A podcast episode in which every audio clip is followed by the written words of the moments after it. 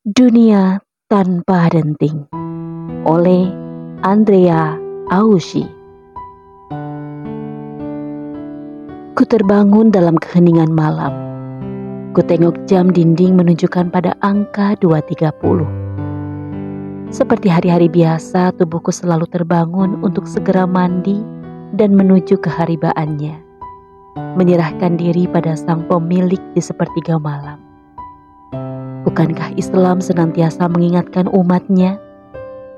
Dan pada sebagian malam hari, bertahajudlah kamu sebagai suatu ibadah tambahan bagimu. Mudah-mudahan Robmu mengangkat kamu ke tempat yang terpuji. Terjemah Quran Surah Al-Isra ayat 79. Bahkan Rasulullah pun menganjurkan dalam sabdanya, Rob kami, Tabaraka wa Ta'ala, akan turun setiap malamnya ke langit dunia ketika tersisa sepertiga malam terakhir.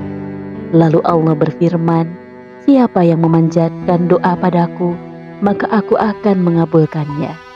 Siapa yang memohon kepadaku, maka aku akan memberinya.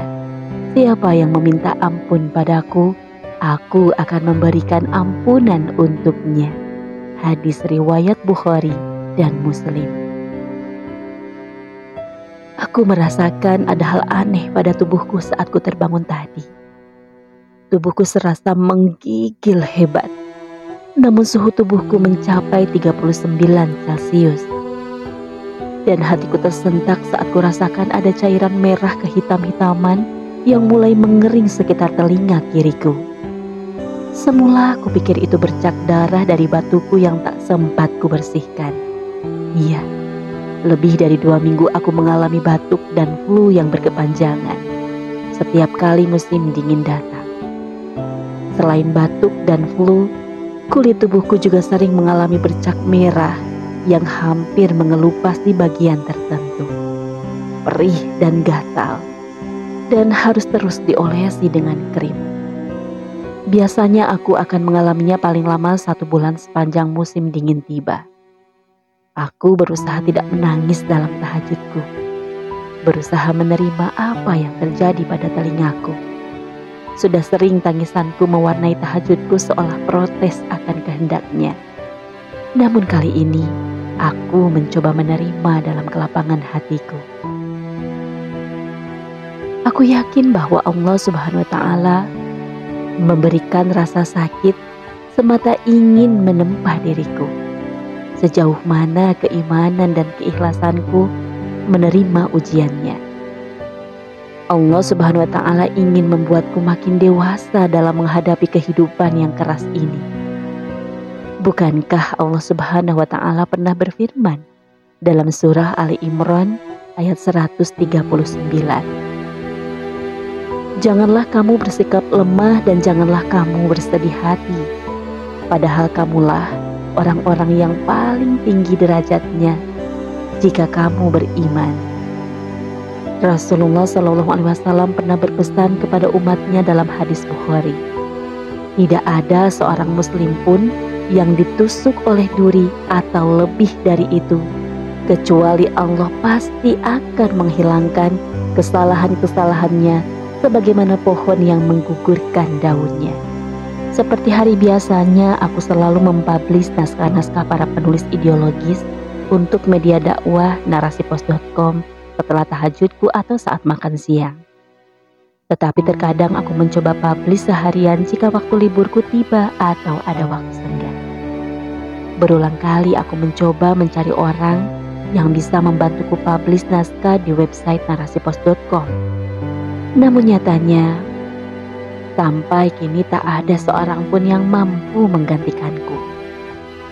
Ada yang bisa edit naskah di website, namun dia tidak mampu untuk desain image untuk naskahnya. Ada juga bagian desain yang memiliki kemampuan desain image, namun nyatanya dia hanya sanggup untuk desain flyer ataupun cover buku. Ada juga yang bersedia desain image untuk naskah publish tapi dia hanya sanggup membuat dua image setiap harinya. Itu pun minta bayaran cukup tinggi.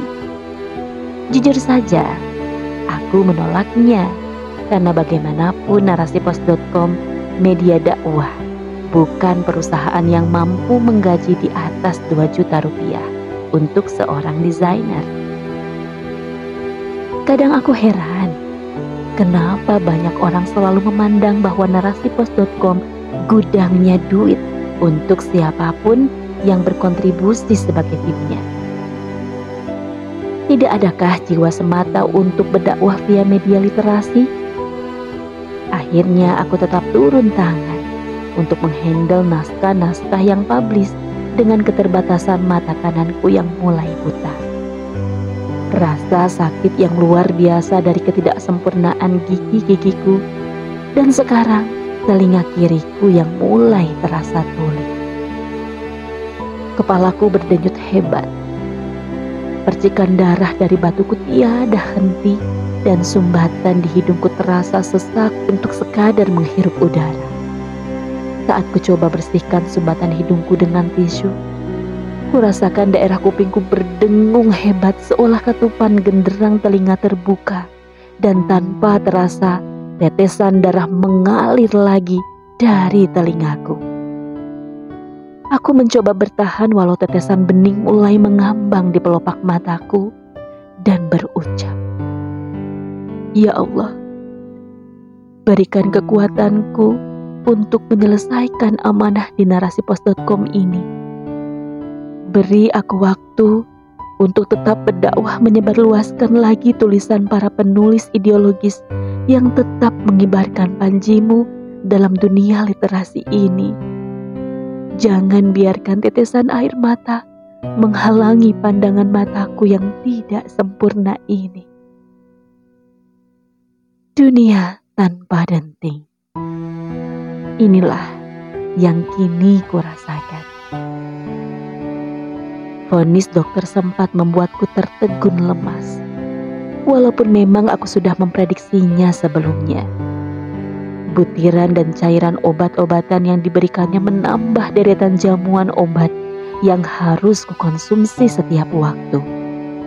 Seolah ragaku ini menjadi tempat sampah zat-zat kimia itu. Ku tatap tubuhku di depan cermin. Terasa sembilu menghujam jantungku.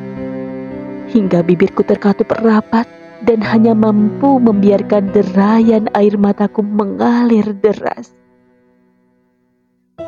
Kupijit lembut area telinga kiriku. Telinga yang tak mampu mendengar bisingnya dentingan kehidupan, apalagi suara lembut semilir angin. Pendengaranku hanya terpaku pada telinga kananku. Kuusap mata kananku yang sudah berbulan-bulan mengalami penurunan fungsi penglihatan menuju kebutaan sejak peristiwa jatuh dari tangga lantai tiga dan terkena cipratan zat kimia yang keras. Kubuka mulutku yang terpasang alat canggih semata agar aku bisa makan dan minum. Alat canggih yang tertanam dalam gusiku dan menggantikan gigi-gigi asliku yang dicabut paksa demi menghindari kebutaan dua mataku. Saraf-saraf daerah gigiku banyak yang rusak akibat penyiksaan keluargaku saat aku masih kecil dulu. Kuacungkan telapak tangan kiriku. Lengkap ada lima jari, walaupun ibu jariku tidak bisa digerakkan secara normal. Selama puluhan tahun aku hanya mempergunakan sembilan jariku. Ibu jemari yang bengkok karena terpotong mesin gergaji. Peristiwa yang terjadi setelah beberapa bulan rumah dan kebunku dihancurkan oleh saudara-saudaraku yang sangat iri atas harta kekayaanku. Sebesar apa pun aku membantu perekonomian mereka, tetap saja tidak akan pernah memuaskan mereka. Mereka akan puas jika aku merangkak mengiba belas kasihan mereka. Sementara aku tipe orang yang lebih suka pergi mengalah dan membiarkan mereka menguasainya. Aku akan kembali dengan membawa keberhasilan lain sebagai pengganti kehilangan.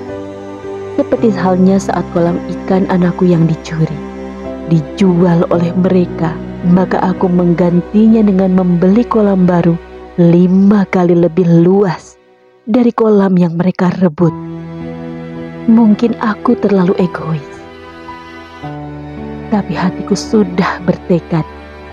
Cukup sudah 20 tahun aku dihina dan dianiaya dengan kekejaman mereka penyiksaan yang memberi kecacatan fisikku, dan derita batin yang tiada tara yang tak mungkin aku biarkan terulang lagi.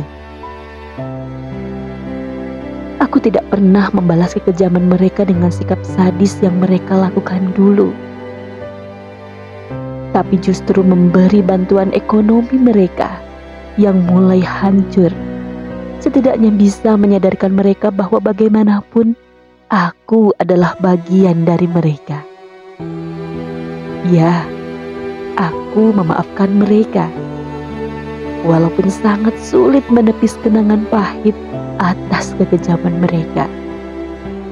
Lagi pula, Allah Subhanahu wa Ta'ala sudah membalas perbuatan mereka dengan peristiwa-peristiwa menyakitkan pada keluarga mereka.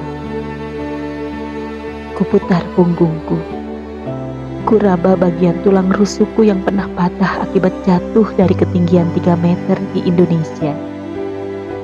Walaupun pernah dioperasi, namun sampai kini rasa sakit seperti tusukan pisau belati yang tajam cukup menyiksaku. Terlebih saat tubuhku benar-benar kelelahan akibat kerjaku. Kupandangi tumpukan tisu yang penuh bercak darah dari batuku. Dengan tanganku yang bergetar, kumasukkan pada plastik sampah. Ya Allah, aku mencoba memahami dan menerima semua ujianmu. Engkau mengujiku dengan harta dan rasa sakit yang tiada henti. Aku tidak ingin mengeluh terus-terusan kepadamu. Kalau engkau izinkan, kuatkan aku menerima semua ujianmu. Tambahkan lagi kesabaran dan ketabahanku mengatasinya. Jadikan aku wanita kuat yang mampu menyembunyikan tangisan kepedihan dengan ulasan senyuman. Jangan biarkan anakku meraba dan merasakan kepedihan hati ibunya sendiri. Biarkan mereka menatap masa depannya tanpa rasa khawatir akan rasa sakit ibunya. Izinkan aku tetap membersamai orang-orang yang masih ingin berdakwah dalam dunia literasi.